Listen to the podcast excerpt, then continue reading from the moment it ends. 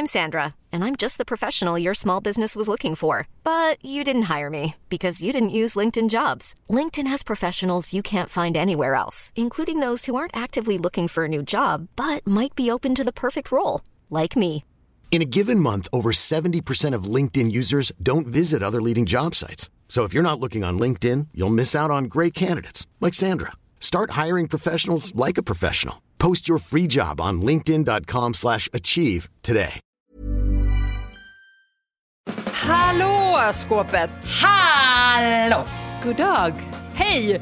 Här har vi alltså skåpet. Det är fyllt av tre personer. Vi har Peppe Öhman som sitter i Santa Monica. Hello, hello. Hello. Vi har Cecilia Blanken som sitter i Enebyberg utanför Stockholm. Och vi har mig själv som sitter och försöker tända av från sockerberoende i Vasastan i Stockholm. Och vem är du då? Ja, det, jag, jag håller just nu på att tända av från sockerberoende så att det är det enda som kan definiera mig som person. Johanna Svanberg heter jag. God dag. Ja, det gör Mm. du. Kul att höras igen. Verkligen.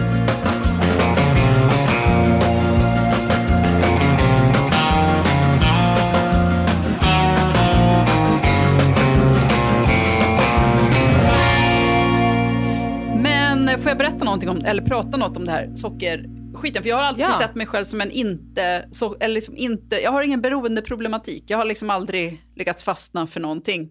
Ja, men och sen under de här nyårs och julveckorna så har man insett att, man går och trycker choklad hela tiden och ost och allt vad det är. Och sen så tänkte jag, okej men då ska jag komma hem och så ska jag inte göra det i, ja men du vet, bara en vecka typ. Bara för att känna sig lite ren. Jag har varit på så dåligt humör. Det är helt fruktansvärt. Det är som någon sorts PMS. Det kanske är en kombination av PMS. Men det, jag tycker så synd om mig själv. Är du säker på att det är sockret? För jag känner att jag vill, jag, jag, bara du sa att du försöker, ta dig ur ett sockerberoende vill jag säga att jag unnar dig socker. Fan, det är januari, det är liksom mörkt ute, alla roliga helger är över. Ja, men man kan inte äta som ett barn hela tiden. Johanna, framförallt, du är inte Fredrik Wikingsson. Det är han som håller på med sånt där, inte du. Men jag, alltså han håller på mycket, mycket mer. Jag måste kunna klara av åtminstone fem dagar utan att trycka chips och socker. Alltså det är, det är inte svårt. Anna, Alltså, jag vill ju bara säga att jag unnar dig, Johanna, jag unnar dig allt gott. Jag vill att du ska äta choklad. Jag tänker, ingen liksom, lite socker och chips har väl aldrig tagit koll på en enda människa. Men jag kommer ju göra det. Alltså jag menar inte att jag har Ja. slutat för alltid, utan jag har nu fem dagar. Okej. inte. Men lova att du på den sjätte dagen återvänder till det normala. Absolut. Alltså min, eh, min man har gått in i någon slags så här hälsosvep nu. Han eh, äter vindruvor och, och pistagenötter istället för glass och chips. så på kvällen tar han fram en liten skål med pistagenötter och så en tom skål för skalen. Och så sitter han och skalar de små nötterna och äter dem. Och jag föreställer mig, det känns som ett jobb, det känns som att man en liten grekisk gumma som sitter och plockar kärnor och oliver. Man gör det verkligen så metodiskt. Öppna nöten in i munnen, skal i skålen. Öppna nöten, in med nöten i munnen, skal i skålen. Ja, han är ju en periodare så det går ju om snart, men, eh, men nu är han där.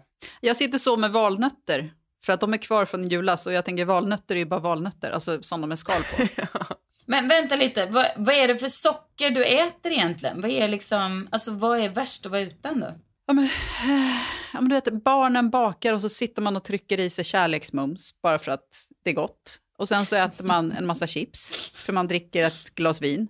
Och sen så äter man eh, åtta stycken såna här eh, salta kex för att eh, för det fanns ost, men nu är osten slut så då fortsätter man äta. Johanna, det där är medelhavsdieten. Ja, Ja. exakt. Per har lärt sig, när vi ska prata om min mans som också har drabbats av nystartskänsla. Han har lärt sig ordet ätfönster. Han säger nej!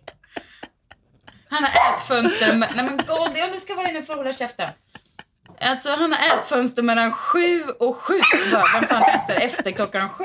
Det är det största ätfönstret jag har hört talas om. Men vadå, stänger han ätfönstret efter klockan sju då? Ja, då stängs ätfönstret. Men han tycker själv att det är liksom väldigt festligt det här med... Det här smset fick jag häromdagen. Viktigt, kolon. A. Mitt ätfönster stänger klockan 19 ikväll. B. Efter Mandelmans är det Kastanjemans. Ja, då skulle vi kolla på Mandelmann och sen Kastanjemannen. Men jag, så, vet ni vad, jag känner en sån kärlek också för Per nu, för det verkar en så vill jag leva. Eller så lever jag också. Alltså, unna sig saker och ha generösa ätfönster. Jag tror verkligen att det är...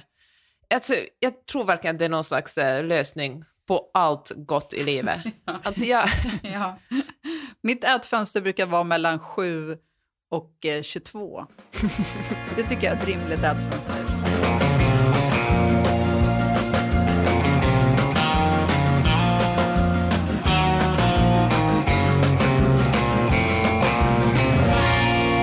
Vet ni vad, vi har ju ett jättespännande podd här framför oss. Vi har ju tagit på oss eh, terapihattarna och ska eh, eh, svara på, vi har fått massor av, ska inte säga frågor utan dilemman som ni har kastat på oss. Som vi kommer bara, som så här, vargar kasta oss på, tugga i oss och spotta ut snabbt. Men innan vi börjar göra det här Peppe så vill jag bara göra en kort övnings eh, oj, om man kan säga så, över dig. Eh, I en Instagram-text skrev du, du skrev om så här, varför du, du trivs i dig och att det är härligt och sådär. Och, och så sa du att du känner dig fri. Och då tänkte jag på att kan det vara så att en anledning till att du har så lätt att trivas i eh, expat-livet, som ju är kul, men det är också lite så tröttsamt tycker jag till slut för att man känner att man är mellan två världar och så. Kan det ha att göra med att du som finlandssvensk liksom redan kommer lite från det och att du kanske bekräftar din självbild på något sätt? ja. Att leva i det livet? Alltså, precis som vilken klockren analys. Jag tror faktiskt det. Jag har vuxit upp i en, med svenska är mitt modersmål, men jag har vuxit upp i en ganska finsk miljö. Jag har gått på, min familj talar ju svenska, jag har haft svenska vänner och gått i skola på svenska, men Finland är ju ändå mest finskt. Så när jag har jobbat i Finland har jag varit tvungen att jobba på finska nästan alltid och alltid känt mig som en, nej men lite utanför den liksom majoritetskulturen. Och det är ju precis det jag upplever nu. Det här tycker jag gör dig verkligen kvalificerad, Sissan, till att, alltså att börja svara på de här frågorna som vi ska Ja, Tack. Ska vi köra igång? få. Jag tycker vi kör igång. Sissan, ta den första. Okej. Inspel, fråga, kommentar. Nummer ett. Det första som dyker upp är Vad gör en åt all avundsjuka man känner? Hörde, det var mig en bra fråga. För jag kan verkligen identifiera mig med den. Jag vill ju inte känna avundsjuka, men jag kan tänka att om jag, ofta om jag scrollar genom eh, flöden och så ser jag folk som är mycket mer framgångsrika än vad jag själv är i mitt yrke, då kan jag känna en viss, eller som verkar få roligare jobb. Men jag tänker, då ska man bara dyka ner i det, inte, inte swisha förbi det, utan fundera på vad den här, varför är jag avundsjuk på den här personen och är det en person jag är avundsjuk på eller är det bara någon slags eh, hittepå som hjärnan har fått för sig efter att man har scrollat igenom 15 personer och sen lägger hjärnan ihop dem alla till en superlyckad person. Utan verkligen gå ner i det, fundera, varför känner jag avundsjuka? Vad är det, kan jag känna, kan jag förändra den här avundsjukan och göra det till inspiration istället till exempel? Gud, vad vilken, vilket präktigt svar. Men eh, Men bra! Ja, jag tycker faktiskt också det. Jag tycker att man kan eh, absolut ska försöka vända avundsjuka till eh, att man känner så här, liksom till en eld i baken. Okej, men då får jag väl komma dit då. Ja. Avundsjuka är en så dålig känsla för att den, är, den skapar inte någonting själv, utan den är, ju, den är så passiv avundsjuka. Det är liksom att bara Ja. sitta och tro att ha, nu är det så här alltså. Men om det är något tröst så tror jag verkligen att, att alla känner det ibland. Det finns liksom ingen som inte kan känna det där stynget av avundsjuka. Men då får man istället för att bara ignorera det, gå in i det och vara sådär att varför känner jag så här? Kan jag ordna så att jag kommer dit? Och var börjar jag då? Okej, här kommer en till. Ska jag avsluta ett företagssamarbete? Vi är fyra delägare som inte drar åt samma håll. Jag säger eh, ja, 100%. Jag säger också ja. Du, det håller jag verkligen med om. Och får jag sätta, för jag kopplar ihop den här med en annan fråga. För att, det, för att så här är det ofta, man tänker nu har jag investerat så himla mycket i det här företaget, eller i den här relationen, eller i, vad vet jag, i den här eh, idrotten. Men det är liksom ingen, eh, det är ingen orsak att stanna kvar om det fortfarande inte Nej. känns bra. Alltså det att man har investerat någonting länge i någonting som inte känns bra gör det inte bättre att man bara stannar kvar där. Och jag tänker Mm, att det här nej. hänger ihop med frågan, så nu bara slår jag ihop två frågor, jag vet inte om det är okej enligt reglerna i den här podden, men jag gör det. Gör det. Det är sällan man är för gammal. Är man någonsin för gammal ens? så här, snart 45-årig gymnasielärare men vill kanske göra någonting annat. Hur vågar man? Vill någon ha en? Fan, ja, någon vill ha en och det är klart man vågar. Om det hjälper kan man låtsas tidsresa tio år fram i tiden och ser man tillbaka, man ser tillbaka på sig själv för tio år sedan var man en liten plutt och visste knappt någonting, så kommer man att se tillbaka på sig själv om tio år också och då kommer man tycka att man var superung och hade alla möjligheter. Så verkligen, nej, man är verkligen inte för gammal om man är 45 år, eller 55 år, eller 65 år, för det gör det. Alltså, vad är det värsta som kan hända? Jag tycker det är en bra tankregel. Vad är det värsta som kan hända? Och så stannar man inte där, utan så går man vidare. Man bara, okej, okay, och vad händer sen då? Och sen? Mm. Men samtidigt vill jag bara, eh, jag håller med, men jag tycker samtidigt att man ska ändå ha någon form av plan. Jag tror att det är så lätt att bara säga ja, följ dina drömmar, gör vad du vill, absolut. Men liksom testa din plan på några människor. Det behöver inte betyda att du ska lyssna på dem jättemycket men du kan alltid få samla på dig lite idéer och se till att du, ja, du får vara beredd att jobba lite. Det kanske inte kommer gå liksom smooth sales hela vägen utan man måste kanske slita lite hårdare och så för att få allt att funka. Men eh, är man beredd att göra det och har liksom någon form av plan redo så är det bara våga för att. Det måste ju inte heller vara att man direkt säger upp sig och bara mm. nu börjar ett helt annat liv, utan man kan ju fegbyta dessutom. Alltså man ja. kan ju ja. börja med att, att man börjar kanske implementera någon ny kurs i sitt liv eller någon något ny hobbygrej eller bara skapa någon sorts så att man känner att man är på väg åt rätt håll. Man måste ju inte mm. bara från en dag till en annan bara poff, nu är det nytt. Nej, verkligen. Jag tycker också att det här är en känsla som är väldigt eh, avdramatiserande. Är det en tanke? Så att det kändes bra då, alltså när hon startade det här företaget tillsammans med dem, det kändes bra. Det känns inte bra nu. Saker ändras. Mm. Men det, jag tror också kan vara så här för att hon kanske går då och känner att ja, men det vore ju så kul om det funkade. Men, och det vore det ju, men nu är det ju inte så. Utan det funkar ju inte och då måste man göra något åt det. Japp, ska vi gå vidare till nästa fråga? Jag har den här. Japp. Ja, ta den. Mm. Personen skriver så här, hamnar ofta i följande situation. Vill uppmuntra vänner och föräldrar eller på skolan eller kollegor till ärliga dialoger utan fasad, för jag är så satans trött på sånt. Och i min iver att själv vara öppen och visa mig sårbar blir det istället huga oversharing. Hjälp! Känner sårbarhetsbakfylla varje gång och personen som jag ville uppmuntra till att öppna sig öppnar sig absolut inte och ser på mig som att jag är weird bara. Någon igenkänning i detta? Tacksam för tips. Otrolig igenkänning tycker jag. Ja. Det, jag tycker också att det är ofta just när man tror att man är på gång att få igång något, så här, något mysigt med någon man kanske inte helt känner och så bara drar man igång och bara så här, öser ur sig grejer som man inte kanske hade tänkt säga, men det bara kommer och sen så får man ingenting ja. tillbaka.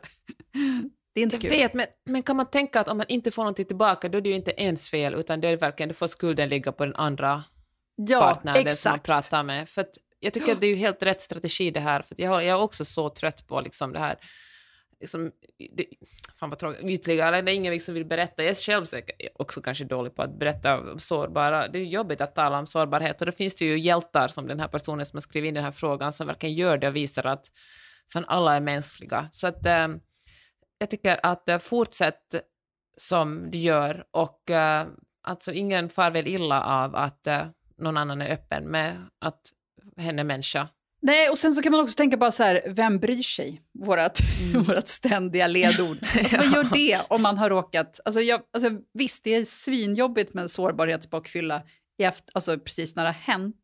Men på det stora hela så gör det ju ingenting. Man kanske också har lärt den personen att att öppna sig mer nästa gång. För de kanske inser, oh, just det, man kan göra, man kan göra bort sig på det här sättet utan att ja. världen går under.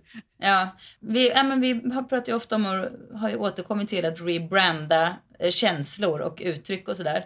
Och det kan ju vara sår, sårbarhetsbakfylla kan ju vara vad man känner, men alltså någonstans. Men om man tänker att det kanske istället är så här, ja men där visade jag verkligen, satt ett gott exempel på vilken, hur man kan liksom hur en meningsfull diskussion kan vara. Så det, det får jag verkligen Alltså att man kan försöka ja.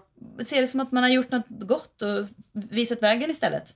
Och kanske lyssna på eller läsa Brené Brown. Hon pratar ju mycket om vilken kraft det är i sårbarhet. Mm. För att peppa sig själv, för att få den här känslan att gud, där gjorde jag bra. Istället för att ha den där, jättebra ord förresten, sårbarhetsbakfylla. Men eh, vi skippar det ändå och uh, vad kan man, alltså sårbarhetsstolthet. Du gör rätt och gör the good fight, så kämpa på. Mm. Vi är med dig. Vi är som du, du är som oss. Okej, nu kommer en konkret fråga. Mexiko med treåring, barnhotell, hotell med pool, beachclub, pool till rummet, eller? Ah, jag vill bara säga så här, åk för fan inte till Mexiko med en treåring. Ungen kommer med stor sannolikhet bli magsjuka, ni också. Då ligger ni där och spyr. Vänta några år så kommer det bli bättre. Men jag fattar, du är säkert skitsugen på Mexiko, men ta Kanarieöarna då så länge. Nej! Nej, nej, nej, nej, nej, nej. Nu, Cecilia, här kommer Team Mexiko. Vi får, vi får, alltså, jag säger åk. Alltså, vad fan, treåring, se det som en, bara en, en, en extra, extra jobbigt resesällskap. Kanske inte pool till rummet, då lever man med den där ångesten att ungen får upp dörren liksom och drunknar. Men eh, hotell med pool, säger jag. Men vad fan ska man åka till Mexiko för? Jag har kompisar som eh, berätt, när de berättar om när de åkte till Mexiko en gång med barn. Kom fram, det visade sig att hotellet låg eh, lite längre bort från flygplatsen än någon hade liksom berättat för dem. Eh, på kartan var det så, ja men vi får ta en taxi, det är två timmar. Men vad, som in, vad ingen sa var att den här taxiresan var liksom på små grusvägar. Nio timmar senare, efter en liksom 48 timmars flygresa, kom de fram till hotellet. Och då kände, det är hela den upplevelsen jag grundar det här på. Bara, skit i Mexiko. Alltså ta det sen. Jag vet inte. Jag känner bara att det är inte värt det. Det kanske är värt det för dig för att du vill känna så här, åh, jag vill ha mitt liv tillbaka som det var innan jag hade barn. Okej, men vi får enas, vi har kommit överens under podden att det kommer ett svar och då antar jag att jag får vika mig för... Varför måste det eh, komma ett svar? Det har vi väl aldrig enats om? Jag har inte enats om något. Nej, men jag är ledsen Johanna, men just i det här avsnittet så kan vi inte komma med... Alltså, någon ställer en fråga, då ska det komma ett klart svar. Nej, I så fall blir det undvik Mexiko, för då är vi två mot en. Ja, så blev det. Men ni vet vad jag tycker. Okej. Hur finns man där som kompis på bästa sätt när någon blivit dumpad?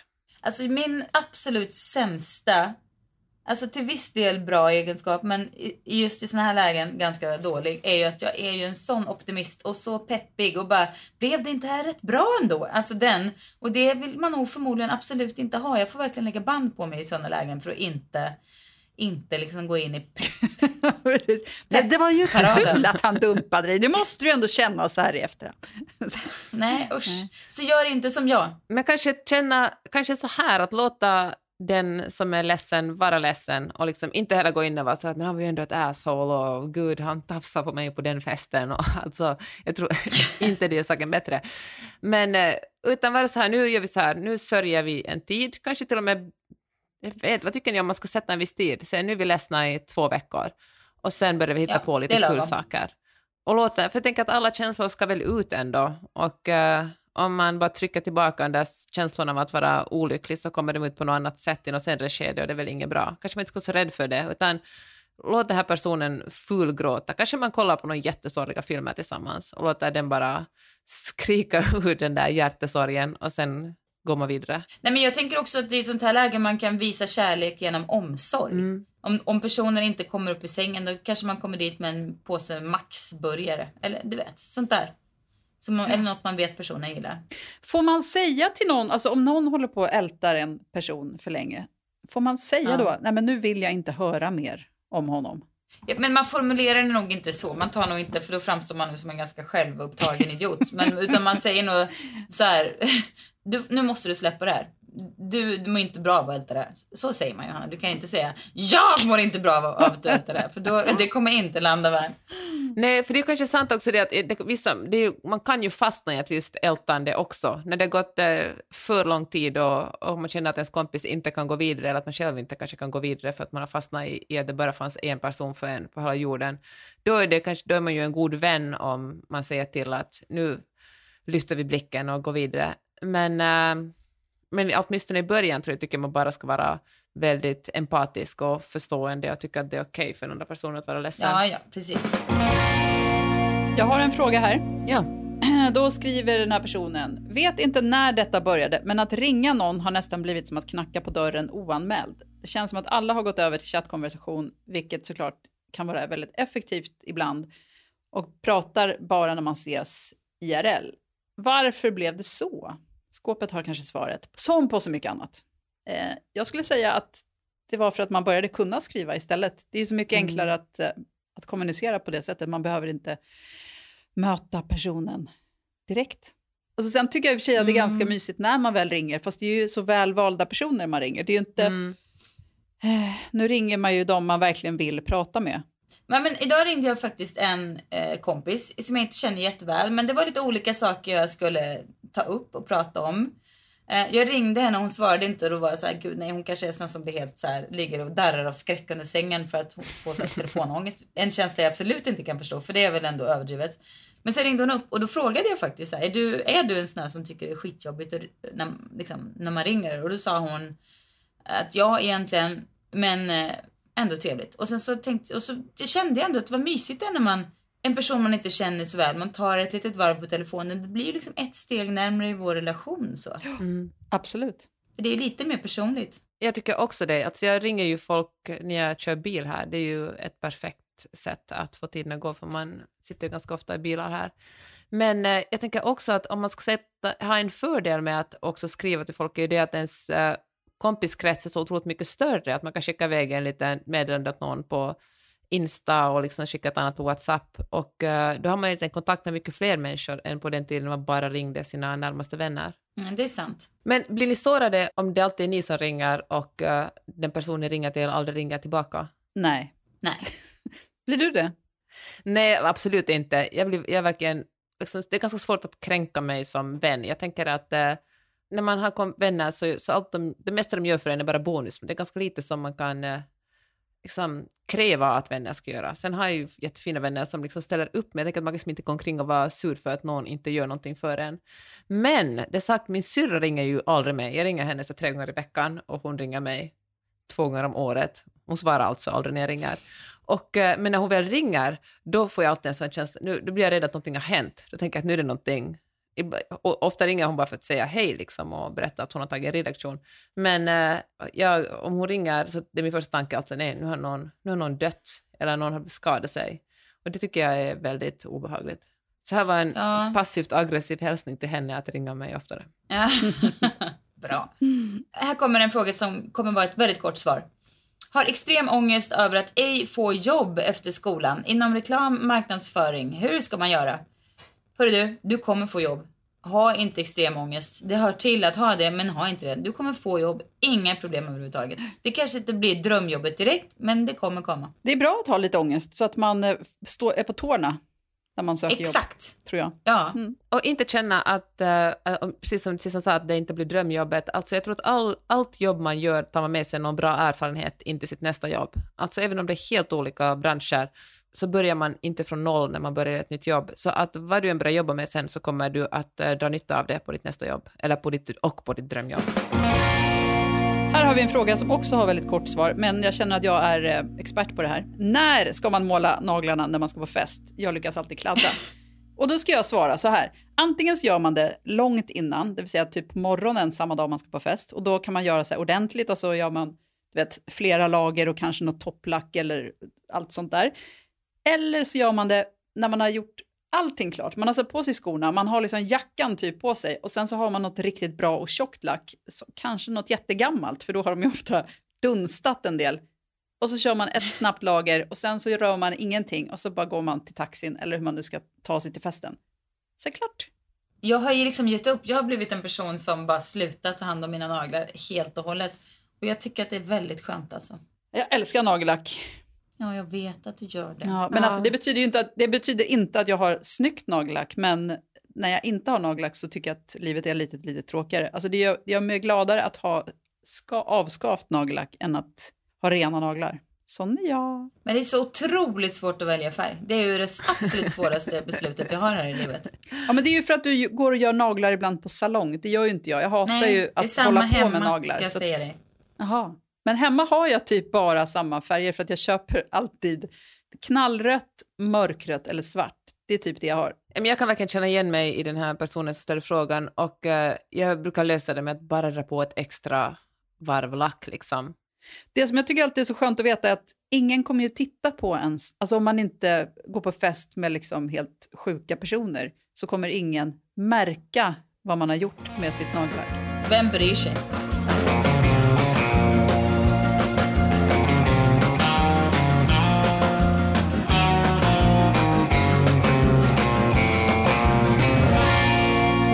Fråga.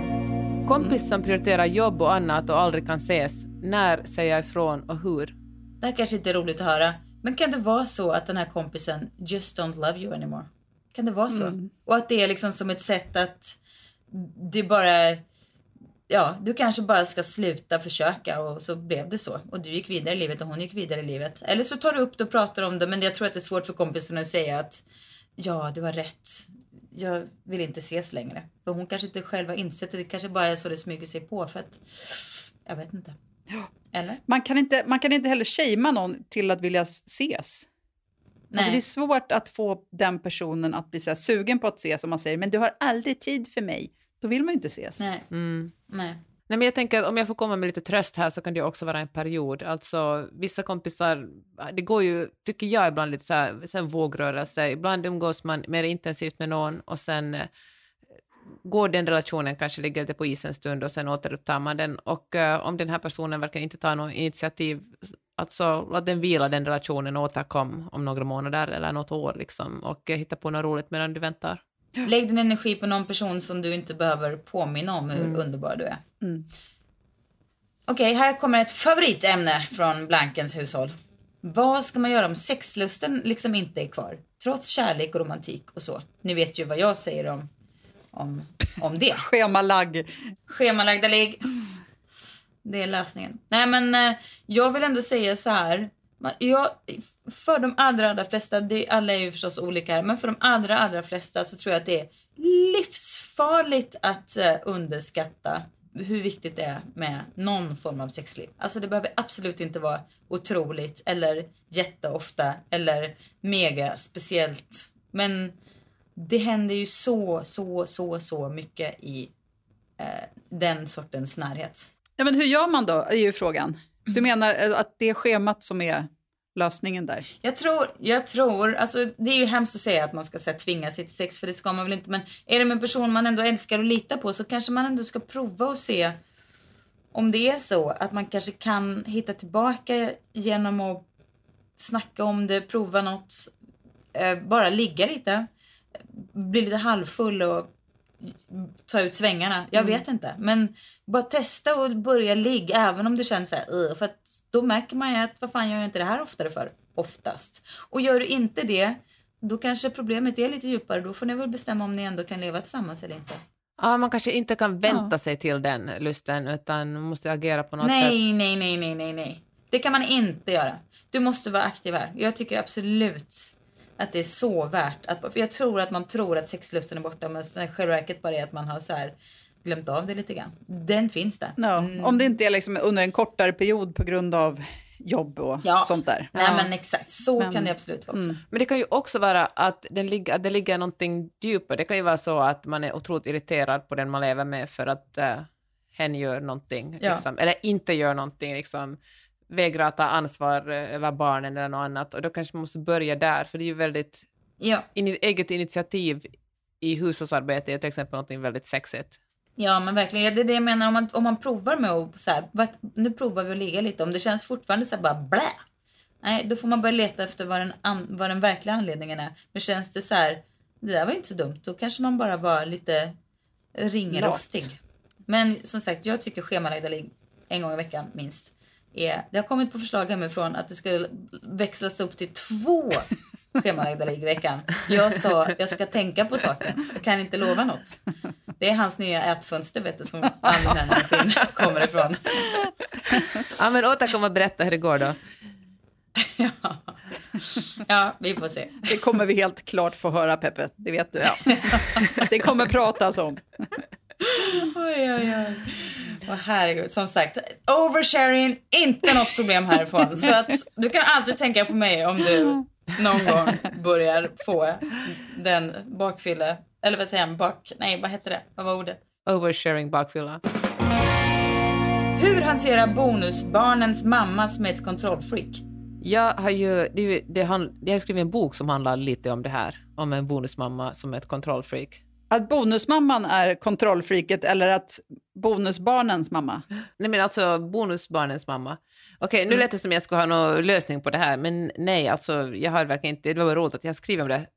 Och, och då tänker jag att man kan, det kanske är ganska lite man kan göra, man kan ju tala med den man lever med som har barn med den här personen, men jag föreställer mig att det är ganska svårt att komma in som en bonusmamma och, eh, och berätta för liksom, hur den här bonusbarnens mamma ska uppföra sig. Jag tycker att min erfarenhet av att kontrollera personer med kontrollbehov, inklusive mig själv som har haft väldigt mycket kontrollbehov, tycker att jag har blivit mycket bättre på det med åren faktiskt och inte ha det.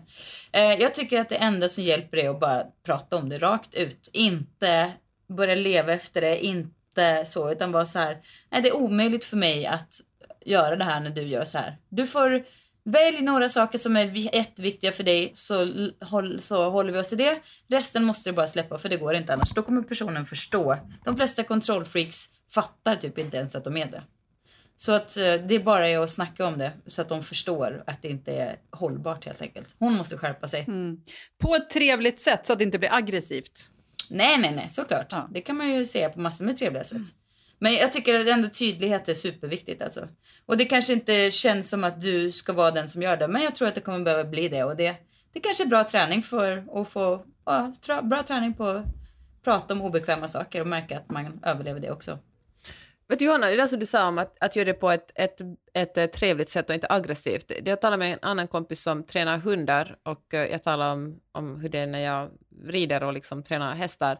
Och då sa hon att hon ganska nyligen kom på att det finns en stor skillnad mellan att säga till någon på ett argt sätt och att säga till någon på ett bestämt sätt. Och eh, jag tänker att så måste det vara med människor också, att ibland om man eh, tycker att det är jobbigt att konfrontera någon, då gör man det först när man verkligen eh, har, liksom, det har vuxit upp en frustration igen och då ser man det på ett argt sätt. Men om man försöker vara, liksom agera innan man har blivit frustrerad och förbannad, då kanske man kan säga det på ett vänligt men bestämt sätt. Mm. Men jag, jag tror, jag, jag vet, jag, en annan super, super, super och helt avgörande grej tror jag är att inte göra det så här. Du får inte göra så utan utgå från sig själv. För mig känns det så här när vi hamnar i de här situationerna. Hur, och det, det funkar inte för mig. Alltså att man inte är så här. Du gör sådär och du gör sådär för då blir det genast jättejobbig stämning. Utan man måste vara så här. Det här, det här är känslan jag får när det här händer. Så. Du är så klok Sissan. Ja då. Nu har jag en annan fråga här. Okej. Ja. Personen skriver, köpt en väldigt snygg men dyr accessoar. Onödig men Åh. känner mig fab. Behålla eller retur? Vet du, när jag såg den här frågan och tänkte det här har hon skrivit till oss bara för hon vet vad vi kommer svara. Ja, Vi kommer ju i kör svara bara behåll älskade vän. Åh, vad du ska behålla och du ska njuta av att du förtjänar den där göttiga, göttiga grejen också. Det är så jävla mycket skam och skit och elände man konkar runt på ändå. Man kan gott få njuta av den. Verkligen. Och vet du vad, jag kan ge ett exempel bara från bara idag. För att idag, eller senaste veckorna har jag börjat använda väska som jag haft. Det är en sån här gammal Mio Mio-väska som jag köpte för alltså, säkert 20 år sedan. Kan det vara det? Nej, Oj, oj, inte oj. 20 år sedan. 15 säger vi. Nej, Vi 17, säger det. 17 år sedan köpte jag den Det- i Paris. Hisnade av hur dyr, dyr den var. Men den är fortfarande en total källa till glädje. Ja. Du får lägga upp den på ett Instagram. Ja, jag får göra det. Eh, säkert inte en källa till glädje för alla andra, men för mig ändå. ja, ja, det är väl det enda som räknas. Här kommer nästa fråga. Vad gör man åt sin dåliga chef? Lämnar man eller hoppas man på förändring? Nej, man Lämnar. lämnar. Man lämnar direkt.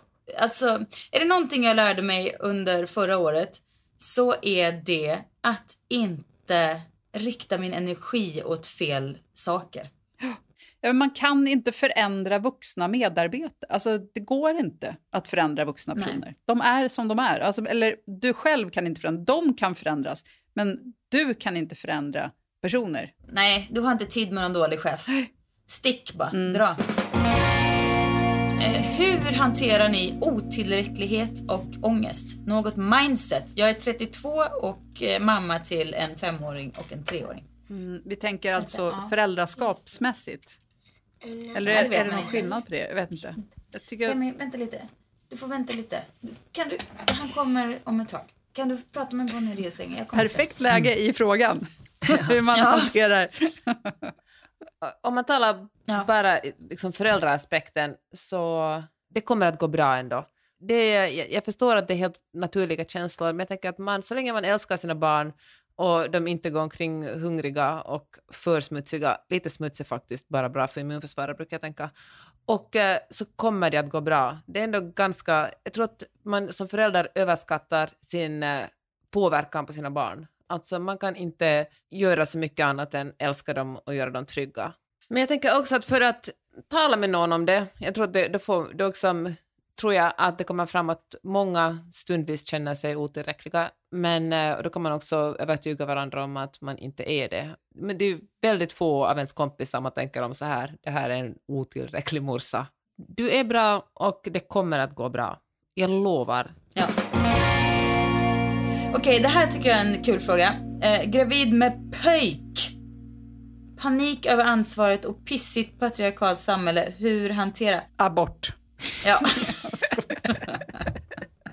Nej, men du, hon sitter ju på en gyllene chans att eh, göra patriarkatet, eller inte patriarkatet för det ska vi väl krossa förstås, men manliga delen av samhället en tjänst genom att giva dem en otrolig pojke som du uppfostrar full med vettiga värderingar och kärlek. Och jag tänker konkret att jag tror att ett stort problem med män är att det är så svårt för dem att identifiera och prata om känslor. Jag tänker att det är väl en jättefin, eh, jättefina verktyg man kan ge sina barn att uh, lära dem identifiera sina känslor och prata om dem och försöka visa att liksom, inga känslor är direkt fula utan allt är helt naturligt. Alltså så här, traditionellt patriarkalt är väl att man blandar ihop alla negativa känslor med liksom ilska och så i värsta fall blir det våld. Men att om män skulle förstå skillnaden mellan att vara besviken och ledsen och eh, känna sig otillräcklig och inte tro att det alltid är ilska, då tror jag att eh, ja, det skulle vara en lite bättre värld vi skulle leva i. Men du har ju en son, Peppa. Ja. Känner du, hur känner du inför att ha en son? Ja! Nej. Nej, där ångrar jag mig. Nej, han är jättefin. Han är verkligen en superfin person. Jag är jättestolt över honom. Han är en... eh, jag tror att han kommer att hjälpa till att krossa patriarkatet. Det tror jag också. Vidar har det i sig, absolut. Men eh, jag tänker också att den här personen kanske inte har några barn innan. Och då tänker man så här, besvikelsen hos många är ju överhuvudtaget att få en kille, första barnet.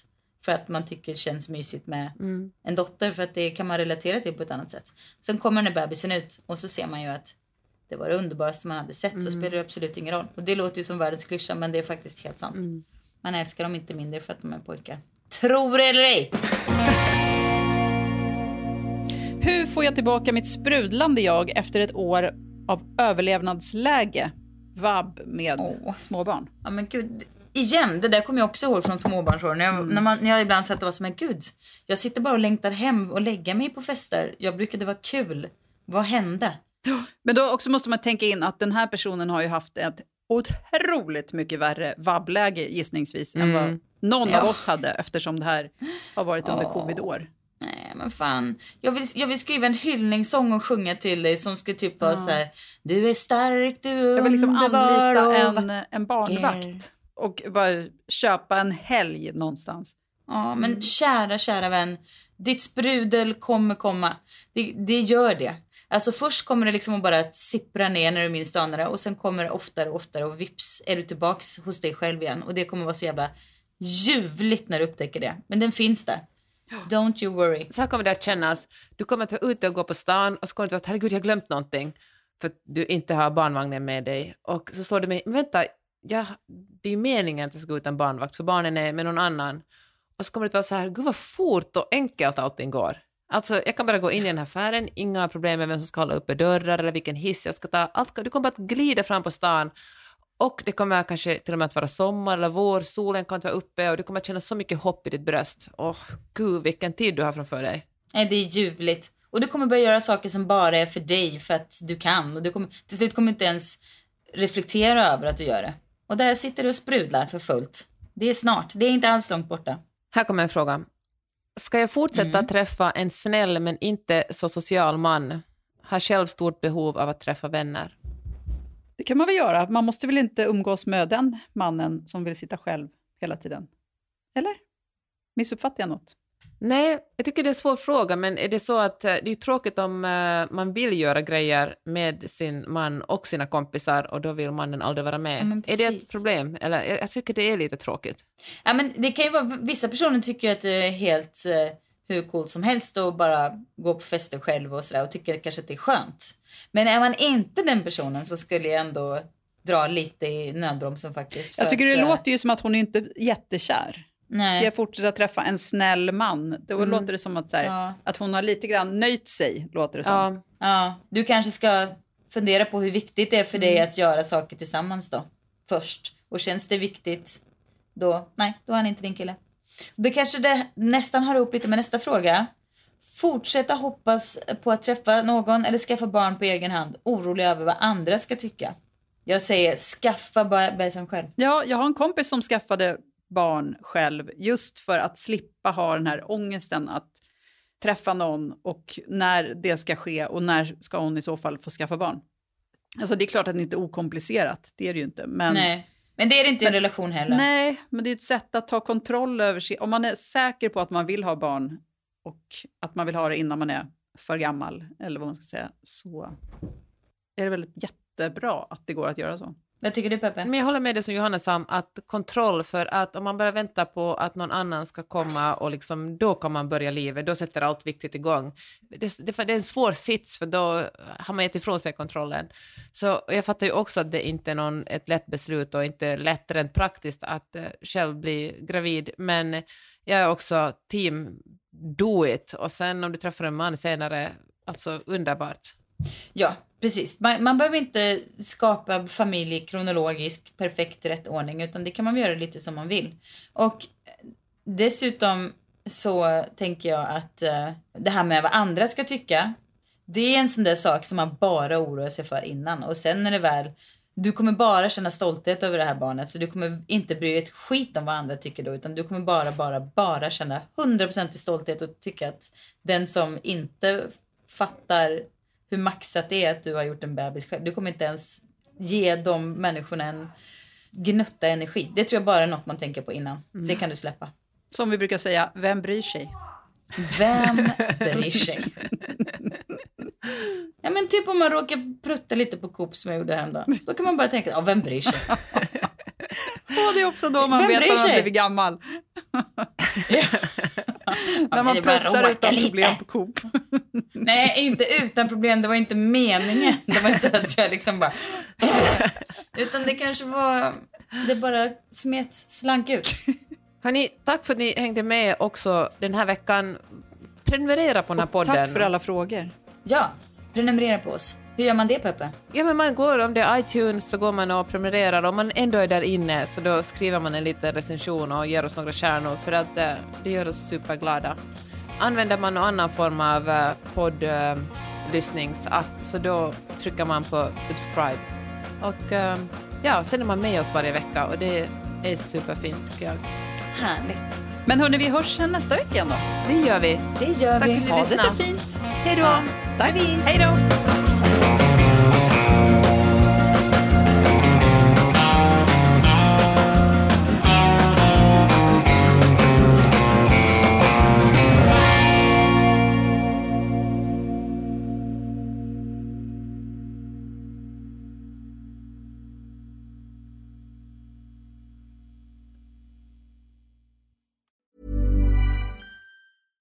Catch yourself eating the same flavorless dinner three days in a row? Dreaming of something better? Well, HelloFresh is your guilt-free dream come true, baby. It's me, Kiki Palmer. Let's wake up those taste buds with hot, juicy pecan-crusted chicken or garlic butter shrimp scampi. Mm. Hello Fresh. Stop dreaming of all the delicious possibilities and dig in at HelloFresh.com. Let's get this dinner party started. Planning for your next trip? Elevate your travel style with Quince. Quince has all the jet setting essentials you'll want for your next getaway, like European linen, premium luggage options, buttery soft Italian leather bags, and so much more. And is all priced at 50 to 80% less than similar brands. Plus, Quince only works with factories that use safe and ethical manufacturing practices. Pack your bags with high-quality essentials you'll be wearing for vacations to come with Quince. Go to quince.com slash pack for free shipping and 365-day returns.